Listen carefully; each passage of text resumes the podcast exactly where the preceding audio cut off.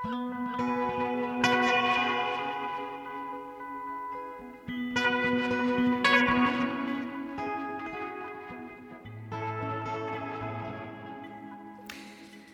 sæl og blessuð við sjá helsar á getur hlustendur undir vetrarsól miðugudaginn 18. november. Í dag eru nákvæmlega 100 ár liðin frá andláti sér að Mattiasar Jokkumssonar, Mattias auðvitað mikið skáld, prestur, þýðandi, rittstjóri og raunar svo margt fleira við ætlum að minnast Mattiasar í viðsjá í dag. Ræða hér á eftir við Þórunni Jörlu Valdimarsdóttur, ritthöfund og sakfræðingum Mattias en Hún ritaði æfisögu Mattíasar upp á Sigurhæðir sem kom út árið 2006 og hlaut mikið lof. Mattías auðvitað ekki einhamur, einlega stórveldi, ég ætla meðal annars að spyrja hvaða Mattías sé henni. Efst í huga á nákvæmlega þessum degi ég fór í kaffi til Þórunar í morgun meirum það hér. Rétt á eftir, lofslags áhyggjur, farsóttartímar, vonbreyði og hlutverka leikir eru meðal þess sem myndlistamæðurinn Fritz Hendrik fjallar um í kjarnhita síningu sem að opnið var í Harbinger um liðna helgi. Við höfum að ræða við Fritz Henrik í þætti dagsins framann við gluggan í Harbinger en eh, síningin er jú gluggasíning vegna veirunar. Og eh, Gauti Kristmannsson, bókmyndagagrinandi, hann rínir í bókina Berhöfða líf sem að hefur að geima úrval ljóða eftir bandariska 19. aldar skáldið Emilí Dickinson í íslenskri þýðingu Magnúsar Segurssonar. Við heyrðum í Magnúsi hér í Víðsjá í gær en það er ótt að segja að þetta skáld Emilí Dickinson hafi lengi verið honum hugleikið. En hljóma skal harpan mín, herra minn Guð til þín. Við byrjum á séra Mattiasi.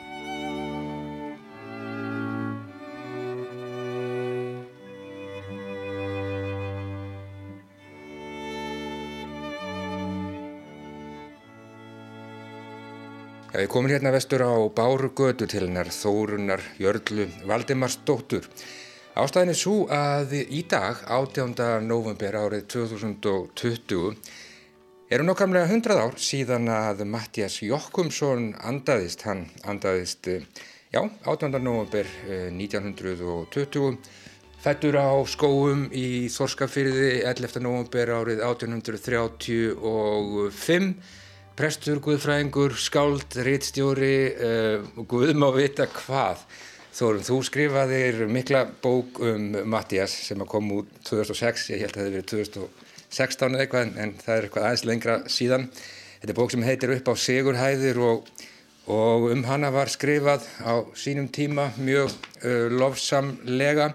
Uh, mér langar til að af þessu tilefni einfallega að, að spyrja því að því að Mattias Jokkumsson, hann var nú ekki bara með eh, stórt nef, hann var líka afskaplega stórbrotin maður og, og kom ansið víða við. Eh, geti spurt þig bara til að byrja með hvaða, hvaða Mattias er þér eh, efst í huga nákvæmlega núna á, á þessum degi?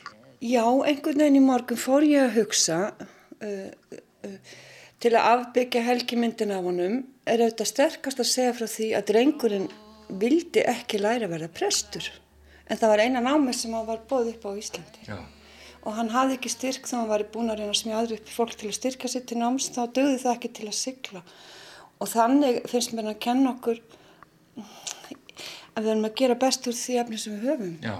ef maður er töffari og, og poppari eins og hann var með alla þessa poppuðu sálma sem, mm -hmm. hann sett útlensku flotti popplög sem hann setti um, texta við þá verður maður bara uppreysnaprestur og uh, ég, já, ég get röfla endurist en ég Poppaður uppreysnaprestur Ég kíkt að þína bók. Já. þetta er sko, var kallað brygg það var eftir að drepa mann með þessu, þetta er svo þykkt bók hann að auðvitað mín, fimm ára að vinna. Aftur á þinn eru fimm stjórnir ekki á minni Nei, ég hafði þessa með mér. Þetta er, þetta er útgáfa númer, númer tvö. Já, einmitt. en hann náttúrulega fór bara þessi venilegu leið í latínu skólan og svo framvegis en, en það voru einhvern veginn svo margir menn í, í, í Mattiasi um, eins og ég nefndi hér áðan, hann, hann kom svo einhvern veginn kom svo einhvern veginn víða við og, og þýtti náttúrulega Já, já, Shakespeare og Guðum að veita hvað þannig að stærðin er einhvern veginn svo rosalega mikil er heil doktorsvíkjur bara um þýðingarnir hans Já. Shakespeare. Já, djú- hann var helviti gáðar duglegur. Annars sem ég fór að hugsa núna er þessi þrýr dagar í röð Jónas Hallgrímsson, 16. Eh, dagur tungunar, Árni Magnússon í gær, mm -hmm. fættur, og Matti Deyr í dag. Um, allt sportrekkar. og, og hérna, um, um, ég var það lengi með Matti, maður langar svo, svo væntum hann og langar að leiðrita til þeim að setja mig nefið, ekki að kallin þurfti að lifta nefnum upp fyrir glasi. Þannig að bóndin í sveitinni minni og þetta er við sjúdómur sem Já. heitir eitthvað rósröyði mm -hmm. sem, það, hvað sem getur verið lagt á menn. Og Anna Hörmöld til móta þessu alla það gæfu sem hann hlaut og, og hans, hans, hans hái vítir sem hann komst upp í er það að hann fekk þvagteppu undir lokin og hugsaði þér hérna misseri fyrir 1920 Eh, það voru lengi laknar og lausin hann svo heppin að búa akureyri og sonur hans var uh, hérna læknir og gætt komið og tappað af þvægi. Þannig að þetta háleita skald okkar uh, og tilfinningaríkasta uh, það hefði bóstallega sprungið úr landi. Ef það er verið hægt að tapja saf maður má náttúrulega tala um þetta? Já, já. að því að við erum þykast verið orðin svo frjáls og verðum að tala um uh, uh, uh, skít í öllum hálsum og svona. Mm -hmm. Láni og Láni, svonur skildi það verið, verið læknir þetta sýnir líka hvað hann er heppin sko.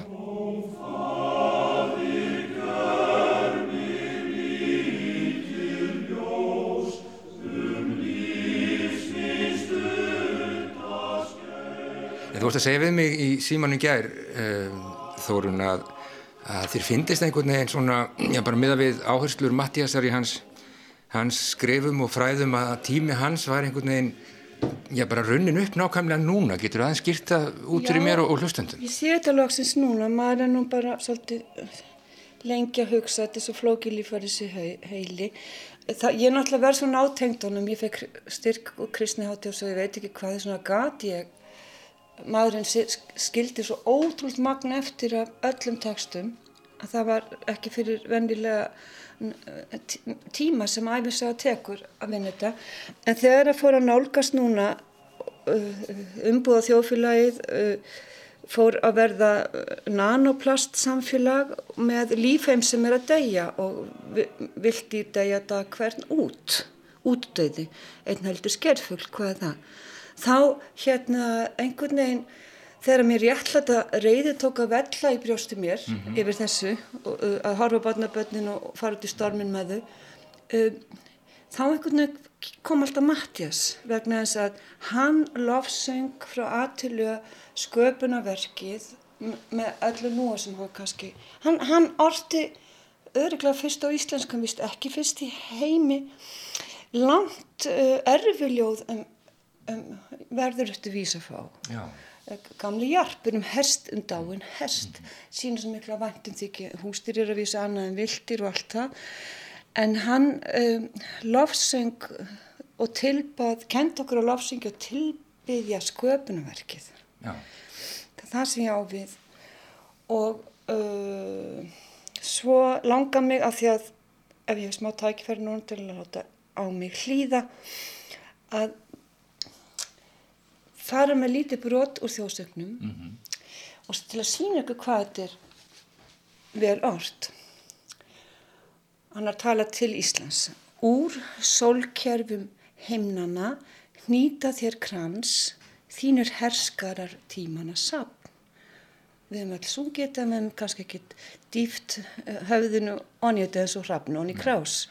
Eh, þetta er mótel þetta, ég larði í elskudeildinni þessa, te, þessa tegund af uh, hérna skaldskap er sem sagt uh, uh, það var eitt skald sem að þurfti að fara að drepa menn í Fraklandi og sagði konu sína vi, vi, ég er sirkil nú fer ég að drepa ekki að drepa, nei, nú fer ég að kema aftur mm -hmm. þauðviti, þegar að kema aftur uh, uh, þetta heitir Metaphysical Poets Já.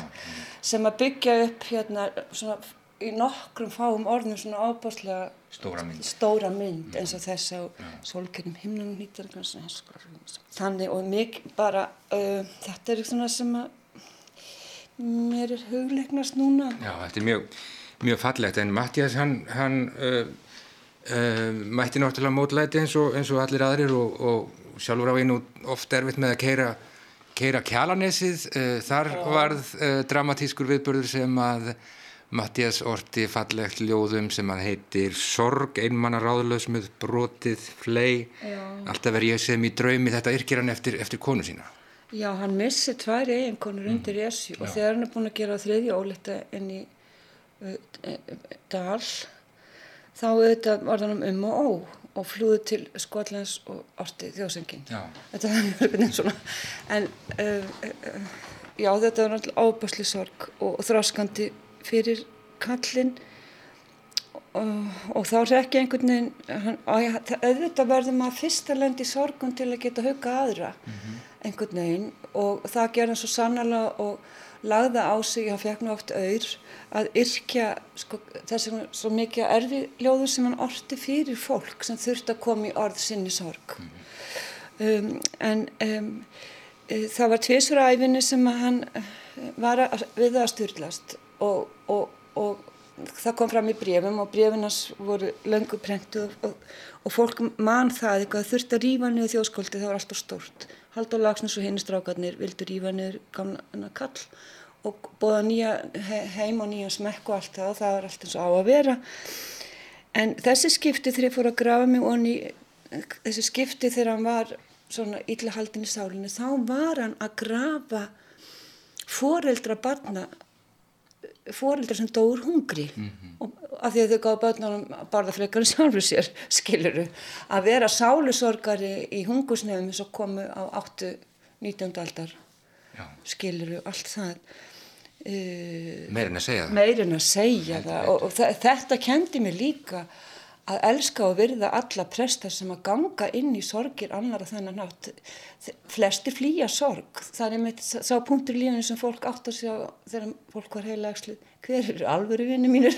Skiluru en, en, en hérna að, að þurfa að hafa það fyrir starfa eins og læknar auðvitað sem þurfa að segja fólki þú ert með krabba minn eða, eða eða fólk á eða prestarnir sem að þurfa og gera flestir sér elskur ganga inn í sorgir annara og, og þjóna og hjálpa og allt þetta.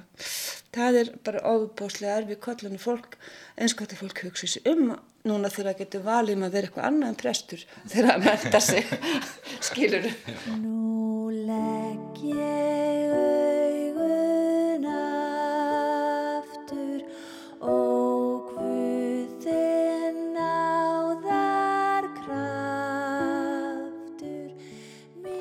En hérna, já, Mattias hann var, hann var svona stórhuga og eldhugi og þetta, þetta heimsborgari, uh, einhver sagði hann hefði verið hverflundur í trúmálum, við getum, höfum nú kannski ekki nógu mikið tíma til þess að tala um guðfræði sér að, sér að Mattiasar en var hann, var hann, uh, var hann umdeldur á, á sinni tíð?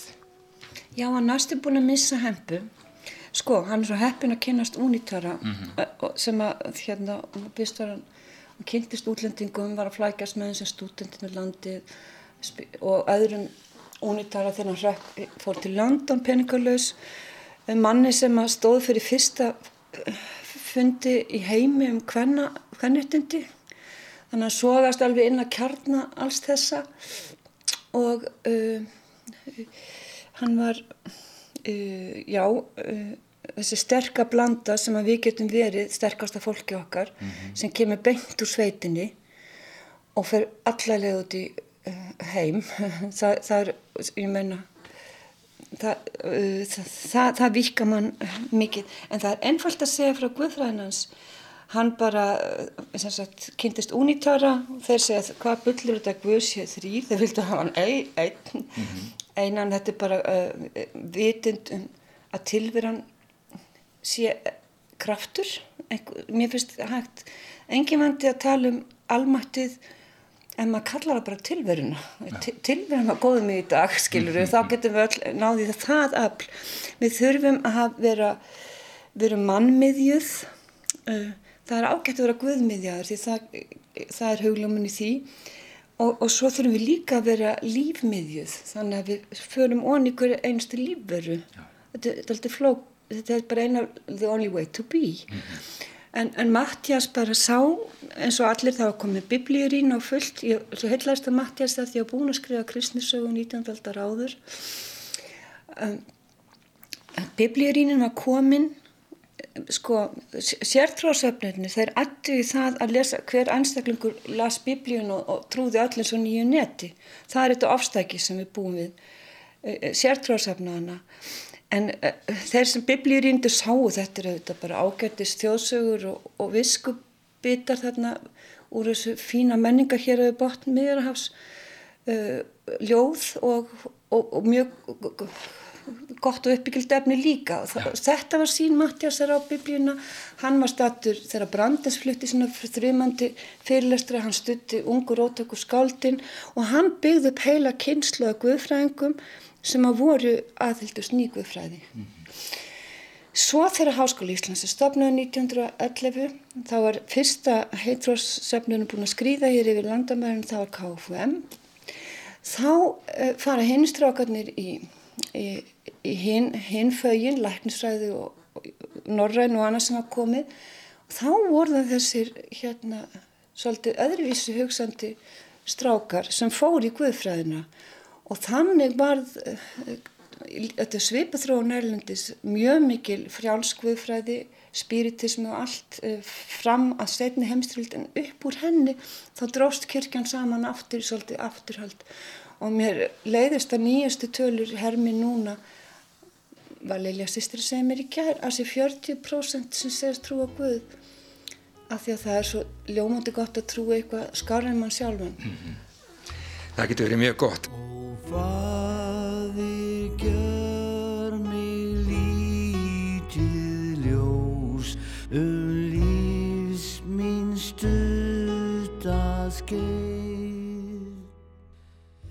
Við syngjum auðvitað þjóðsöngin ennþá og við þekkjum þessa sálma herra minn Guð til þín og uh, nú legg ég augun aftur er það ekki, Mattias líka Um, ég myndist hérna á þýðingarnar hans á og fadir gjör mér lítið ljós. við skulum ekki gleyma, gleyma því en, en svo var hann náttúrulega líka alveg frábær brefritari ég held ég í bók heima sem er, sem er held ég, já, 800 síður reyndar tæpar.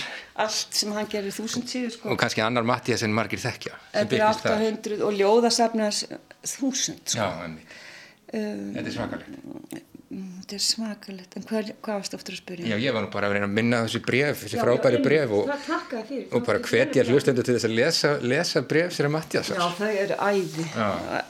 Neistandi snilt algjört.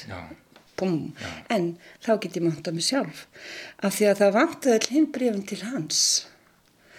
Það var þannig að e, hérna Magnús Sónur Mattiasar egnaðis barn með einhverju lilju fyrir hjónaband og hann gaf út all, allans pappira brefinans og ljóðinans eh, 1985 og 100 ára ammali Mattiasar en svo hurföld brefin til Mattiasar og það var náttúrulega vegna sem þarna var ekki verið að gangast við sinni Stengrimur, lagfræðingur, sonur Lilju og Magnús Arningstasonar Mattiasar hann fekk skrippborðið Já, og þar voru brefin Já. og ég hafi vitað því að svo góðan tíma til að vinna þetta að setja lítið svona í velvaganda í mokka sem allir lásu þá svona flestir.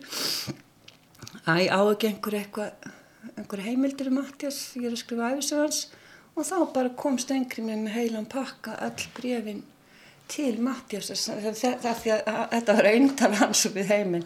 Þessi 900 síðan að brefabók Þetta er falleg saga en ég heyri það uh, Þórun að þú ert enna að hugsa um uh, Mattias Jokkumsson núna hvað 14 árum eftir að uh, æfiðsagan upp á sigur hefðir komið út og já þú vilt meina að, að Mattias segi erindi við okkur nú og, og já erindi við, við sköpunarverki hreinlega. Já, já hérna druslumst til að Uh, hérna, hvernig getur fólki verið sama kertjarnum og prumpað á grútskítum og bílum þegar það veit að, að það eru degjandi, þetta er beint samband á milli, degjandi hérna degjandi, útdegjandi tegunda Já. daglega og mm. Mattias myndi núna öskra og segja Uh, þið sem getið kjúklinga og svín skammist ykkar, vitið ekki hvernig þessum dýrum líður, er þið svo heimska skilja ekki samhengi millir munns og fæðingar þessara dýra. Já. Látum það verða að loka orðin Þórun uh, Valdimarsdóttir þú, Þórun Jarla Valdimarsdóttir þú, þú drást sérstaklega fram að þessu tilefni uh, þessar ljóðlinur úr sólkerfum himnana nýta þér krans þínir herskarar tímanna sapn þetta er Mjög fallegt og við skulum bara hvetja fólk til þess að lesa Mattias Jókumsson, ég ætla að fara að hleypa þér í, í klippingu, ég segi bara takk fyrir spjallið kærlega og til hæmingu með Mattias Jókumsson alla daga, takk. Takk. Enda þótt öll sé kross upp hefðin mín. Ljóma skal harpan mín hæra minn Guð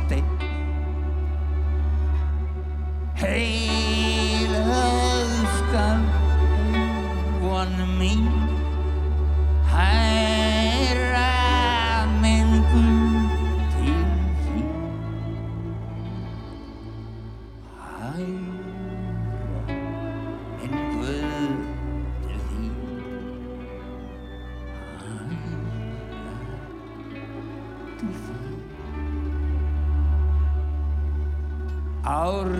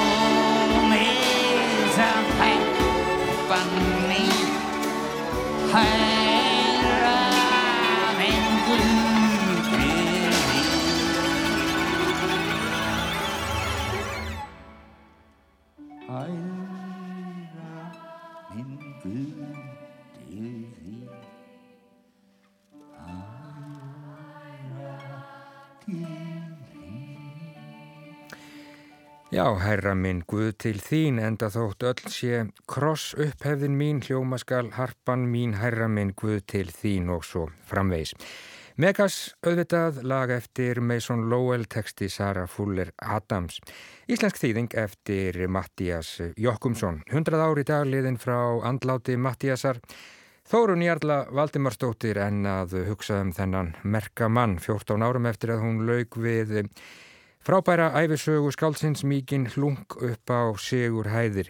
Töffari og jafnvel poppari Mattias sagði Þórun á Báru götunni í morgun helviti gáfaður og duglegur afsakið orðbræðið. Kendi okkur að lofsingja og tilbyðja sköpunarverkið.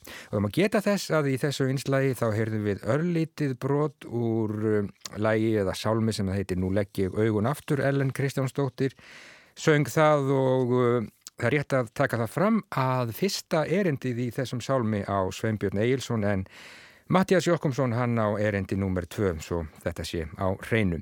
Og það má geta þess í þessu samengi að norður á Akureyri þá minnast menn Mattiasar Jokkumssonar í dag enda Akureyringum málið skilt meðal annars með myndskeiði þar sem Viljálmur B. Bragason fjallar um Mattias sem leikskáld og þýðanda. Þetta er aðgengilegt á netinu frá með deginum í dag á Facebook, YouTube, Instagram og kannski víðar. Og í undirbúningi þá er annað myndskeið í svipuðum dúr uh, þar sem að uh, Þórun Jarla Valdimarsdóttir fjallar um uh, Mattias sem jafnbreytti sinna og talsmann Kvenn Frelsins. Þetta mun byrtast í byrjun desember mánadar og Það má líka geta þess í þráðbeinu framhaldi að hlustendur Rása Reyti eiga í vændum heilan þátt um uh, sér að Mattias Jokkumsson, hann verður á dagskrá síðar hér á Ráseitt meira en það síðar. En uh, við rætum hér í í gerð við Magnús Sigursson, réttöfund og þýðanda sem hefur gefið út úrval þýðinga sinna á ljóðum Eftir bandaríska 19. aldarskáldið Emily Dickinson bókin nefnist Berhöfða líf og um, hún hefur sömulegis að geima fróðulegan ingang þar sem Magnús fjallar um, um æfi Dickinsons þessa merkaskálds og ljóðlist hennar. Gauti Kristmansson, bókmyndagagrinandi, hann er búinn að um, kíkja á gripin og ríflega það og við skulum gefa honum orðið. Það ber til tíðinda, umtalsverra tíðinda, að út er komið á íslensku heilmikið ljóðasapn með ljóðum eftir bandarísku skáldkonuna Emily Dickinson en hún telst til höfuð skálda bandarískra ljóðlistar. Þýðandin, Magnús Sigursson, sprettur endur ekki úr höfði seifs eins og Pallas Aþena forðum en það hefur hann getið sér gott orð sem ljóðskáld og ekki síst ljóðaþýðandi. Esra Pound má nefna sem dæmi en hann hefur einnig þýtt fleiri mikilvæga skáldkonur eins og Lavinia Greenlaw og Adlet Crapsey. Síðast en ekki síst vann hann doktorsyrkjar sína um Dickinson og þýðinga sína á ljóðum hennar. Svo sjaldan hefur nokkur, ef þá einhver, komið jafnvel undirbúin til leiks við þetta frumlega og torraða ljóðskáld, sem hún var og er. Ég naut þess heiðurs að fá að fylgjast aðeins með tilur þessar reitgerðar, svo það sé sagt, og veit því eitthvað um þá vinnu og elju sem maður baki liggur, og verður það reyndar öllum lesendum ljóst við lesturinn á ljóðunum, og ekki síður afbræðskoðum ingangi þýðanda, sem ég held að brjóti blað í þeirri bókundagrein en ég hef lesið þá ófá ingangana að slíku merkum. Emily Dickinson fættist 1830 og lést 56 árað aldri árið 1886. Aðeins örfáljóð hennar byrtust meðan hún var í lifanda lífi þótt allmörk hafi, eins og Magnús bendir á, verið sendt til vina og ættingja í brefum og fenguð þannig einhverju útbreyslu þótt minni haftar væri. Líf hennar var sérkjænlegt og hefur stundum heillað suma ekki síður en ljóðinn. Hún bjó allatíð í föðurhúsum og sagt er hún hafi valla yfirgefið herbergi sitt áram saman. Það sem meira er, hún skildi eftir sig mikið sap ljóða á blöðum sínum, ljóða sem hafa vakið undrun frá fyrstu tíð, stundum forundran, stundum aðdáun og á það síðanemda við síðustu ölduna og rómlega það. En hún skilaði nánast aldrei nefnu ljóði til prentunar og áttu útgefundur hennar og reittstjórar síðar meir því stundum úr vöndu að ráða. Einni vegna þess að ljóðin voru svo sérstök, svo knöpp og einstök, allt frá merkingu til reittarar framsetningar. Eins og Magnús rekur í inganginum snýr þetta hrinnjandi, úrfellingum orða, sérstæður ími, skotendu og hálrými, þangastreikum, auk þessum hún notar hástafi mikið, til áherslu öka, hver veit, en að bókinni og ljóðunum. Bókin sjálf skiptist í fimm hluta auk ingangs og er farið bæði við ferilin í tíma í þremur köplum og einnig verið tveir stuttir kaplar helgaðir annars vegar hinn um svokvölduðu masterbrefum og hins vegar því sem þýðandi nefnir orðskviður og hendingar sem verður nokkuð skonar aforismar á ljóðformi. Örðugt er að gera ljóðunum skil í útvarpi þar sem þau byggja ekki aðeins á hefðbundum tækjum ljóðlistarinnar eins og rými og hrinjandi heldur virka þau líka sjónrænt einmitt vegna þankastryggana og hástafana þótt ekki sé hægt að tala um myndljóði þessu sambandi. Ljóðin sjálf eru heldur ekki myndrík, beinlínis, fremur heimsbyggileg, þau takast á við trúna, dauðan, lífsangistina, sem sagt líkil spurningar tilverunar. Eitt lítið dæmi. Að gráta er létt verk og löðurmannlegt. Stutt verk að gefa vonir. Og þó er verka skiptingin slík. Er degjum karlar og konur. Þetta er einfalt og samt sem það er stórbrótið. Og kannski einkenni það Ljóðli Stikkinsson, kannski er það einmitt það sem kallar á lesendur undanfærin 150 ár. Mér finnst eins og þetta hafi geta verið byrt í gær. Ljóðin eru líka uppfull af stríðri innlægni ef svo má orði komast og það er eitt af því sem ég finnst hefnast svo vel í þýðingunni hjá Magnúsi. Hann endur varpar henni fölskva laust. Annað lítið og stórt dæmi. Þetta er brefið mitt til heimsins sem aldrei skrifaði mér. Tíðindin ljósu sem náttúran flutti, svo blíð og tegnarleg, tilskrif hennar fel ég höndum fjari sín. Af ást á henni, kæru landar, hugsið blít til mín. Þetta er næstum eins og ljóð til framtíðarinnar. Fróm bón og um leið ástarjáttning til náttúrunnar og lífsins sem áfram lifir í ljóðinu og segja má að óskannar um að landarnir hugsi blít til hennar hafi ræst með þá stöðu sem hún hefur í bandarískri ljóðlist og heimsbókvendurum sjálfum. Því það er ekki einingis landar hennar sem hafi tekið henni tveim höndum, heldur einnig þýðendur og lesendur á öðrum tungum, þrátt fyrir að hún hafi oft verið sögð óþýðanleg. Og nú keppist heimurinn við að skrifa henni eins og sjáma á bók þeirri sem hér er undir. Þar hefur kannski líka ræst það sem hún sagði um mátt orðsins í öðru ljóði. Sagt er orðið dött, segja sumir.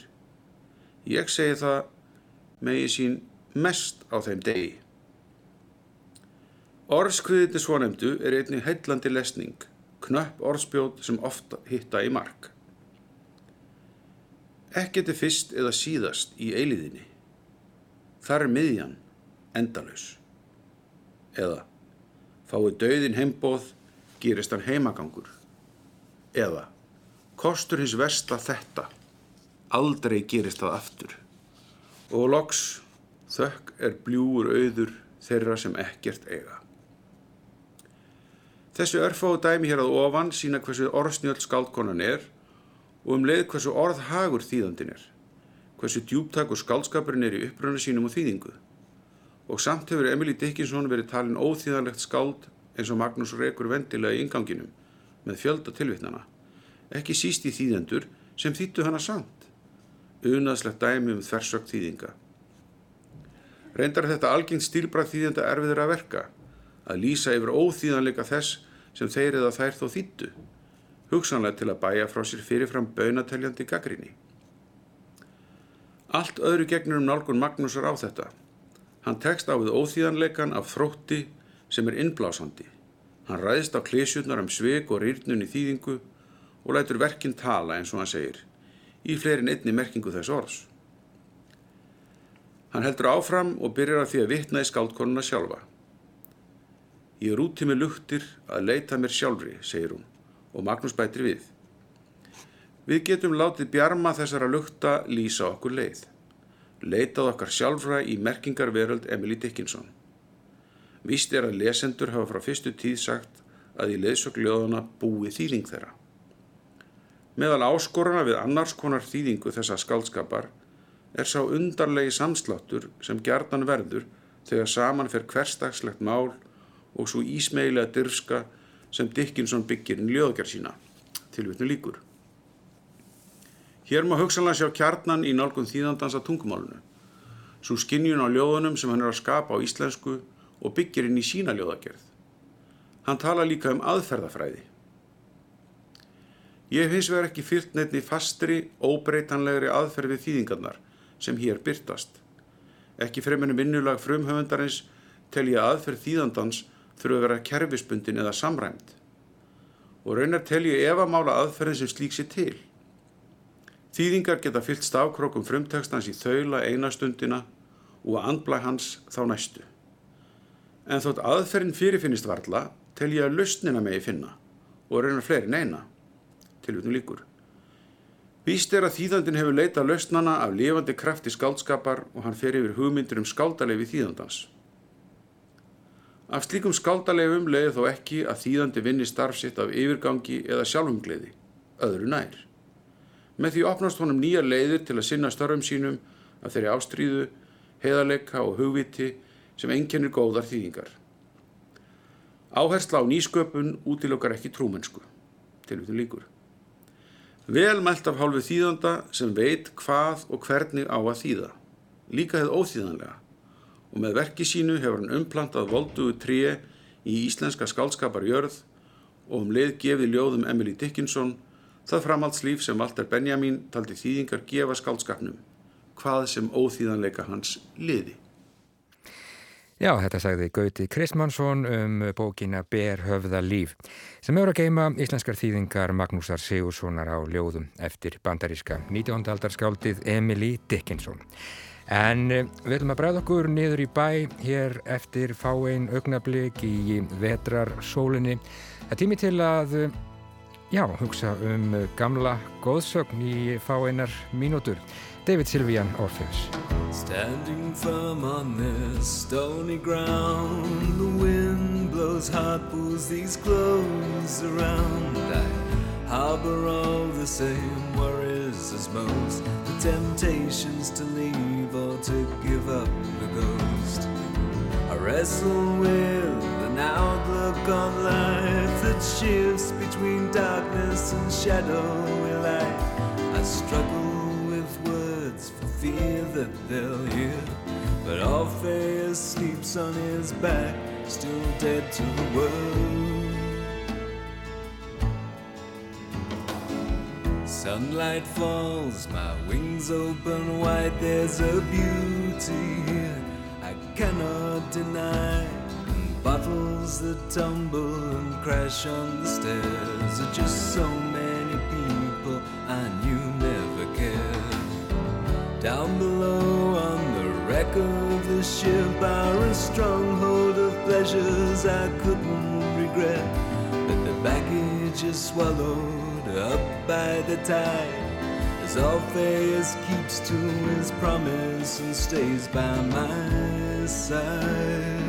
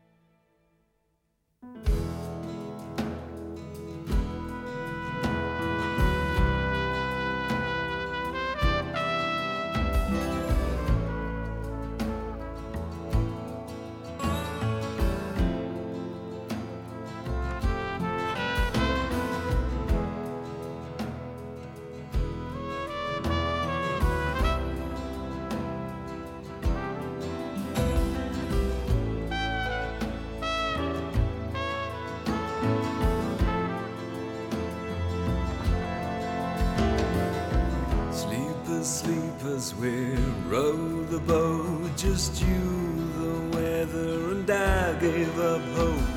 But all of the hurdles that fell in our laps was fuel for the fire and straw for our backs. Still the voices of stories to tell of the power struggles in heaven against such mighty dreams as Orpheus sings of the promise tomorrow may bring.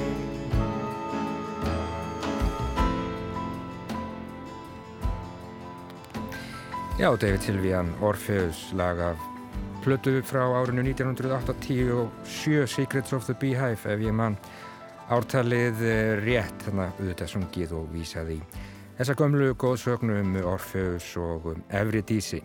En eh, við ætlum þessu næst ágættu hlustendur að bregða okkur niður í bæ. Við ætlum að knýja dýra okkar býður myndlistamæðurinn Fritz Hendrik Halla Harðardóttir.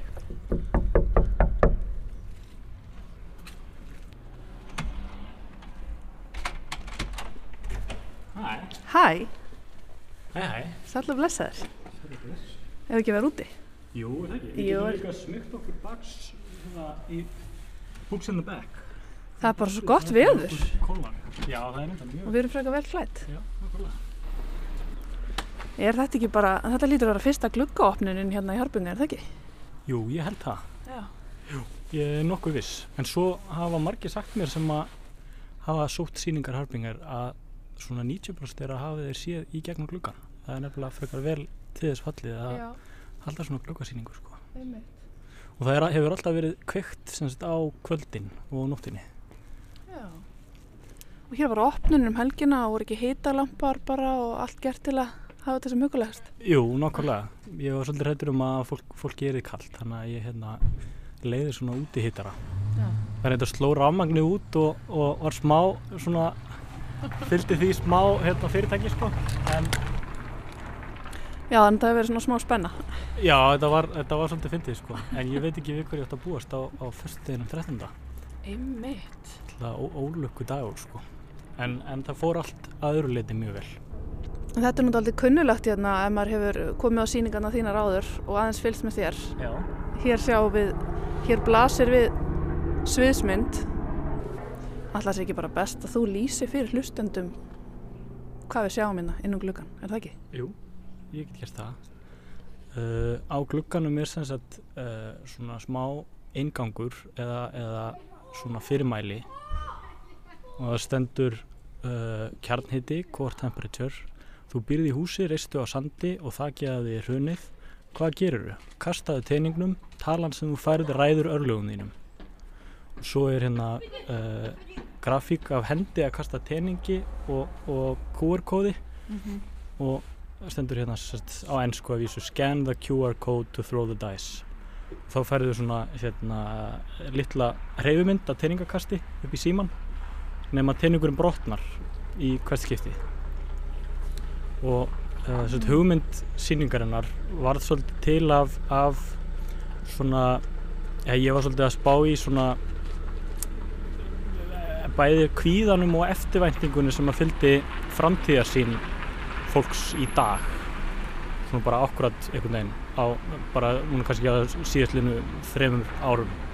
Bæði þá sem sagt annars vegar eftirvænting varandi tækni og vísindi og, og framförum og auknum lífsgæðum fólks en síðan hins vegar uh, svart sínum augum vegna hlínun jarðar og áhrifa mannsins á náttúruna og vistkerfið.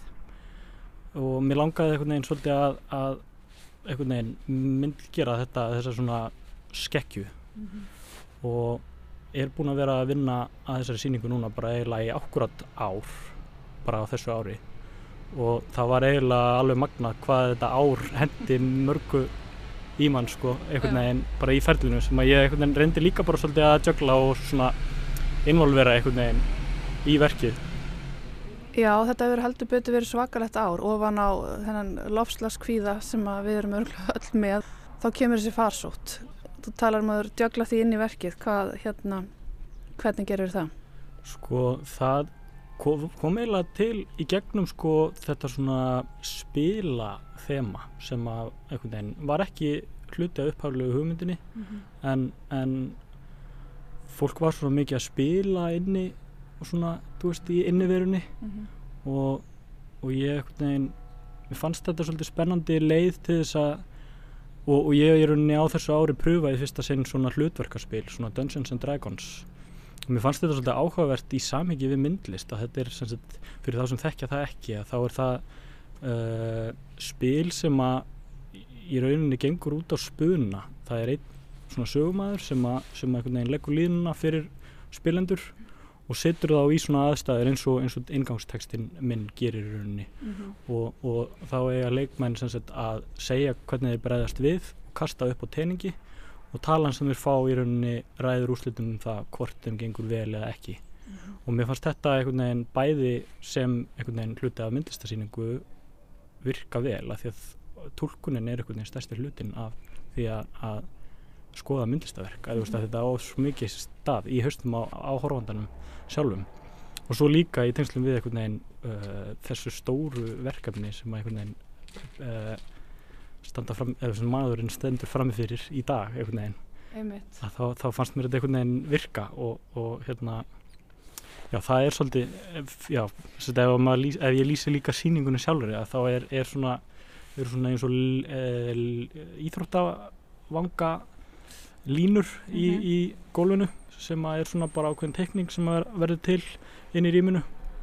Og svo er þetta stóra módel fyrir miðju sem er svona eins og, eins og leiksviði eða, eða, hérna, eða bara svona uh, vettfangur fyrir þetta borðspil í rauninni. Mhm. og þetta er, er eyðibíli sem er alveg að detti sundur en innbúið á eyðibílinu er algjörlega á skjön við húsið sjálft. Það er teppalagt fínum, fínum teppi og það eru einhverjar svona hérna uh, fín húsgögn svo er svona ingangurinn uh, svona eins og úr framtíðinni eða Star Trek eða, Mhm. eða eitthvað svona, svona utanulegjandi gangur sem fer svona í kringum húsið og, og inni eða frá hliðinni Og ekki má gleyma því að húsið er byggt á sandi.